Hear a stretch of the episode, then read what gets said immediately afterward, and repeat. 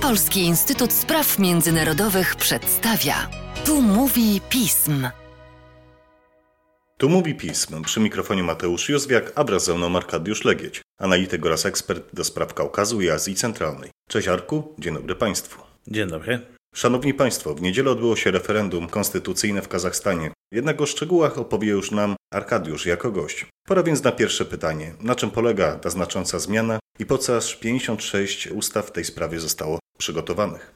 Jeżeli spojrzymy na referendum i jego założenia, tak na tym poziomie deklaratywnym, oficjalnym, no to ono dość poważnie przebudowuje system polityczny, system ustrojowy Kazachstanu.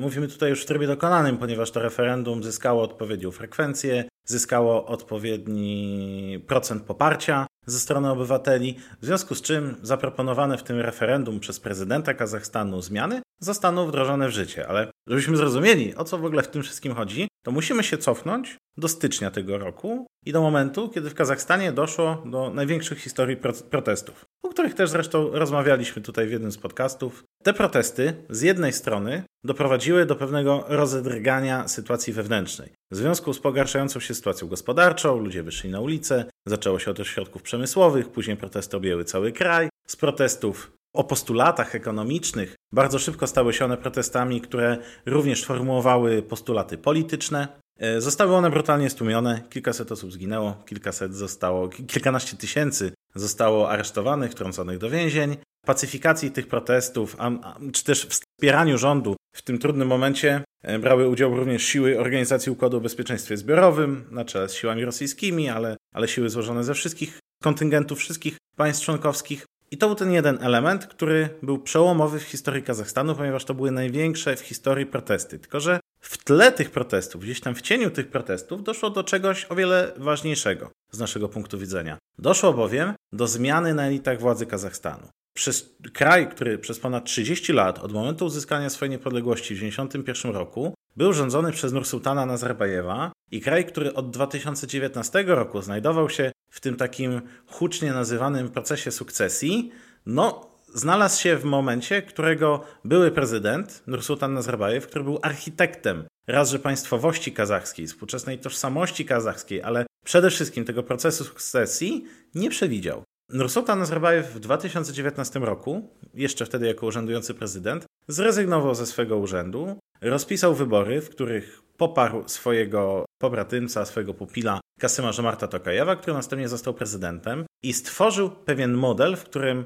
już wiekowy Nursultan Nazarbajew miał przekazywać władzę swojemu następcy, ale w taki sposób, który będzie gwarantował jego wpływ na państwo, będzie gwarantował jego bezpieczeństwo i bezpieczeństwo jego rodziny i który będzie gwarantował zachowanie tego systemu, jaki został przez niego stworzony w Kazachstanie. I ten proces trwał od 2019 roku. Kasem Żomart Tokajew, jako urzędujący od czerwca 2019 roku prezydent, był w dalszym ciągu w cały czas pod kontrolą Nursultana Nazarbajewa, aczkolwiek z biegiem czasu coraz bardziej rozbudowywał swoją autonomię. Przejawiało się to zarówno w konfliktach z członkami elity Nursultana Nazarbajewa, przede wszystkim z jego córką Darigą, która też była postrzegana jako potencjalny następca, przynajmniej w pewnych spekulacjach medialnych. No i w sytuacji protestów Kasym Żomart Tokajew w tym roku doszedł do wniosku, że jednak się nie popełni władzy. Wykorzystał te protesty do tego, aby odsunąć nie tylko Nursultana Nazarbajewa, ale całą jego elitę polityczną, e, jego najbliższych współpracowników, m.in. Karima Masimowa,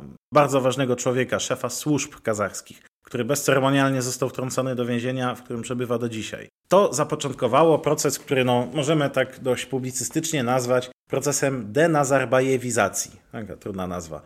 Proces ten przejawia się właśnie w tym, że od stycznia mamy do czynienia z czyszczeniem wszelkich struktur państwowych Kazachstanu, najważniejszych spółek, najważniejszych instytucji z osób wiernych Nazarbajewowi. W wyniku tego procesu stanowiska stracił nie tylko Karim Masimow, ale choćby także Samit Abysz, członek rodziny Nursultana Nazarbajewa, również budujący swoją pozycję w strukturach bezpieczeństwa Kazachstanu. Stracili ją y, członkowie rządu, stracili ją szefowie czy też wysoko postawieni menedżerowie strategicznych spółek energetycznych.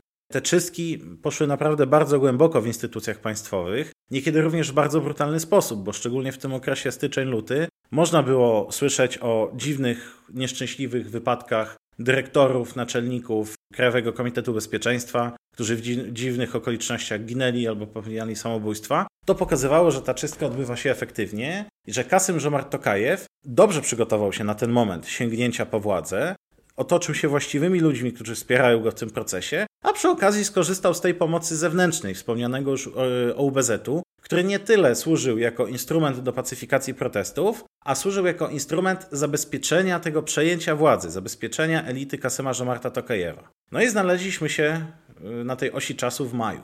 Na początku maja Kasym Żomart Tokajew ogłosił to, co wcześniej już zapowiadał w pewnych swoich wypowiedziach medialnych, a więc to, że zmiany, jakie się dokonały w państwie, chociaż też on ich nigdy nominalnie nie potwierdził, bo on nigdy y, ostatecznie nie zdezawuował postaci Nursultana Nazarbajewa, który który mimo, że został odsunięty od władzy, długo nie pokazywał się w mediach, został pozbawiony wpływów, stopniowo zaczął być pozbawiany wszelkich funkcji i tytułów, poczynając od e, roli szefa partii rządzącej, od roli szefa przewodniczącego e, Państwowej Rady Bezpieczeństwa.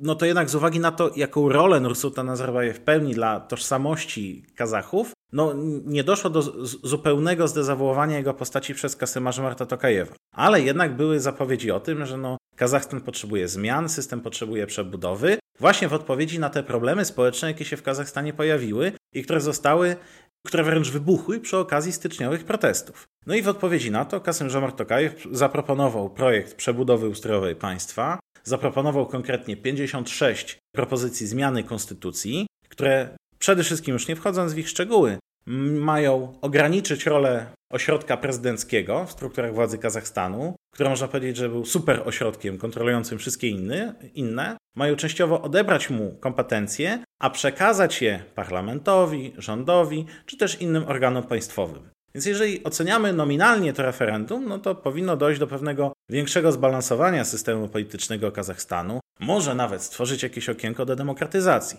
No tylko teraz musimy się przyjrzeć tej sytuacji realnie. Na sytuacja realna jest taka, że Kazachstan jest państwem autorytarnym. Kazachstan jest państwem, w którym nigdy żadne wybory, żadne referendum, żadne w ogóle głosowanie nie było uczciwe. Każde wybory tam są yy, fałszowane. Fałszowane do tego stopnia, do tego stopnia ordynarnie fałszowane, że tam nawet nie liczy się głosów. Tam głosy oczywiście są oddawane, ale są później pakowane do worków, a protokoły są gotowe, zanim jeszcze te głosy zostaną spakowane. Sam widziałem to na własne oczy w 2019 roku. W związku z czym nie możemy mówić o żadnej legitymacji władz, a przynajmniej nie o legitymacji demokratycznej. Mamy do czynienia z władzami autorytarnymi, które, aby utrzymać się przy władzy i ją sprawować, no posługują się autorytarnymi mechanizmami. A podstawowym mechanizmem autorytarnym, odróżniającym państwo autorytarne od totalitarnego, jest to, że ono nie do końca się przyznaje, że nie jest demokracją. Ono przynajmniej stara się pozorować to, że są w nim zachowane jakieś procesy demokratyczne, pluralizm,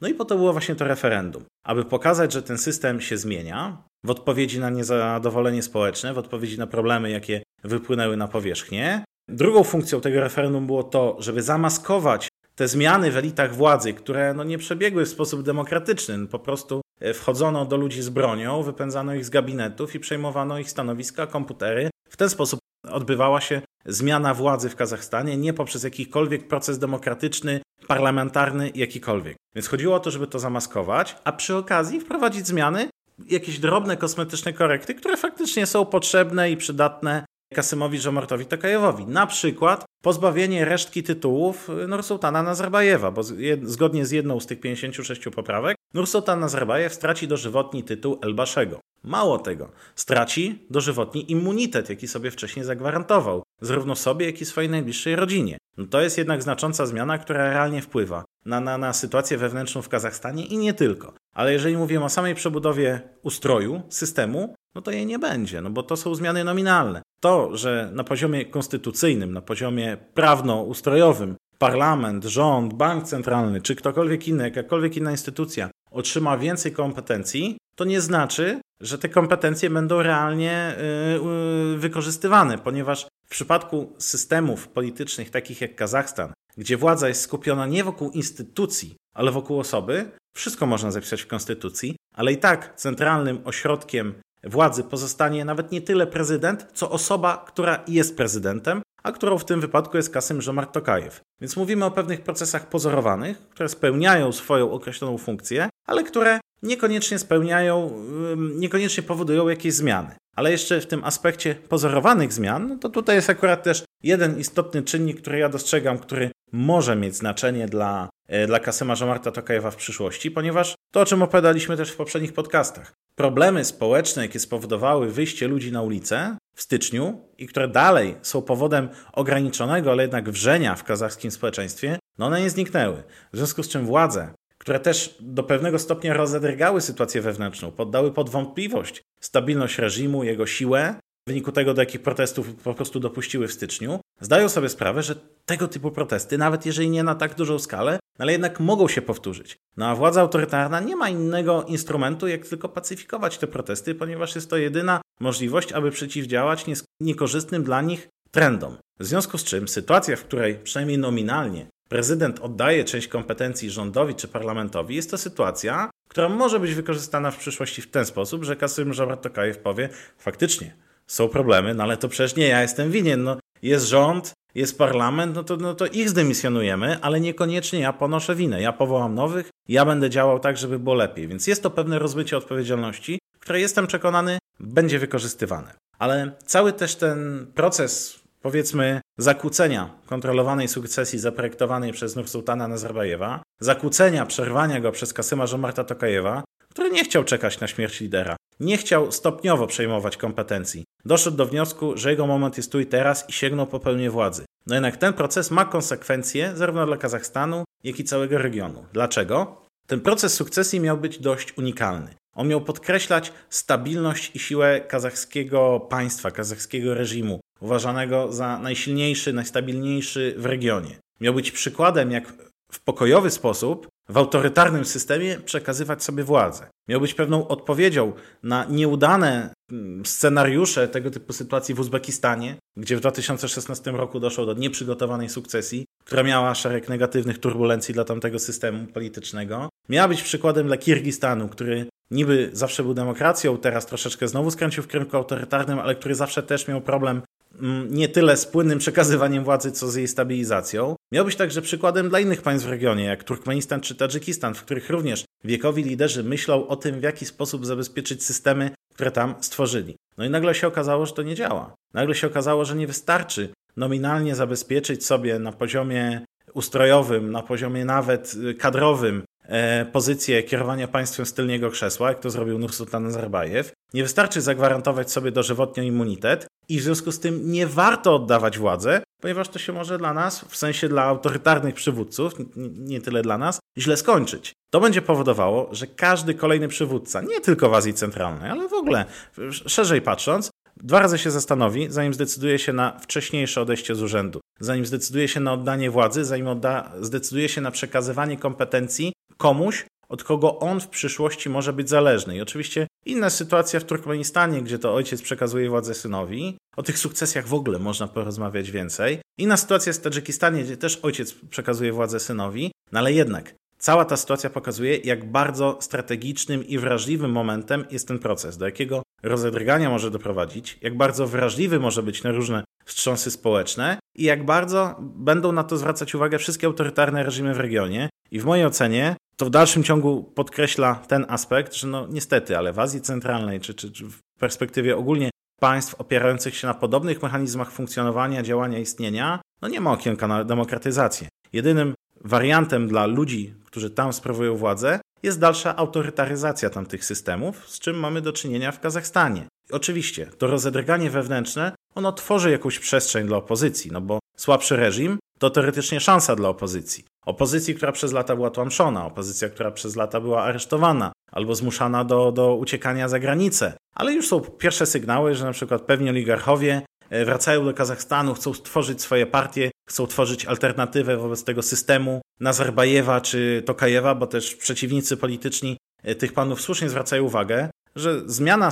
z Nazarbajewa na Tokajewa to tak naprawdę też nie jest zmiana, bo przecież Tokajew wziął się z elity nazarbajewowskiej. On przez lata w niej dorastał, on przez lata ją współtworzył. On był pupilem Nazarbajewa. Po prostu mu, nie mówimy też o jakiejś zmianie systemu, o zmianie charakteru tego systemu. Mówimy tylko o zmianie personalnej, która doprowadzi do utwardzenia tego reżimu, być może jego większej podatności na wstrząsy wewnętrzne, zewnętrzne, w związku z czym większej podatności na na przykład ingerencję ze strony Rosji, która w styczniu udowodniła, że pomimo wszelkich problemów, nawet w tej sytuacji, pomimo wojny na Ukrainie, wciąż jest państwem, które może efektywnie wpływać na sytuację wewnętrzną w Kazachstanie, może podłużać protesty, może destabilizować rząd, może nawet tworzyć sytuacje, w których będzie dochodzić do zmiany rządzących, w związku z czym ma instrumenty nacisku do tego, aby zachować swoje wpływy w regionie i na, pe na pewno będzie to wykorzystywać. Dla nas jest to scenariusz też nie do końca pozytywny, no bo nasze wpływy już i tak dość ograniczone w Azji Centralnej, ograniczone charakterem reżimów tamtejszych państw, no w dalszym ciągu nie zyskują dodatkowej przestrzeni do rozwoju.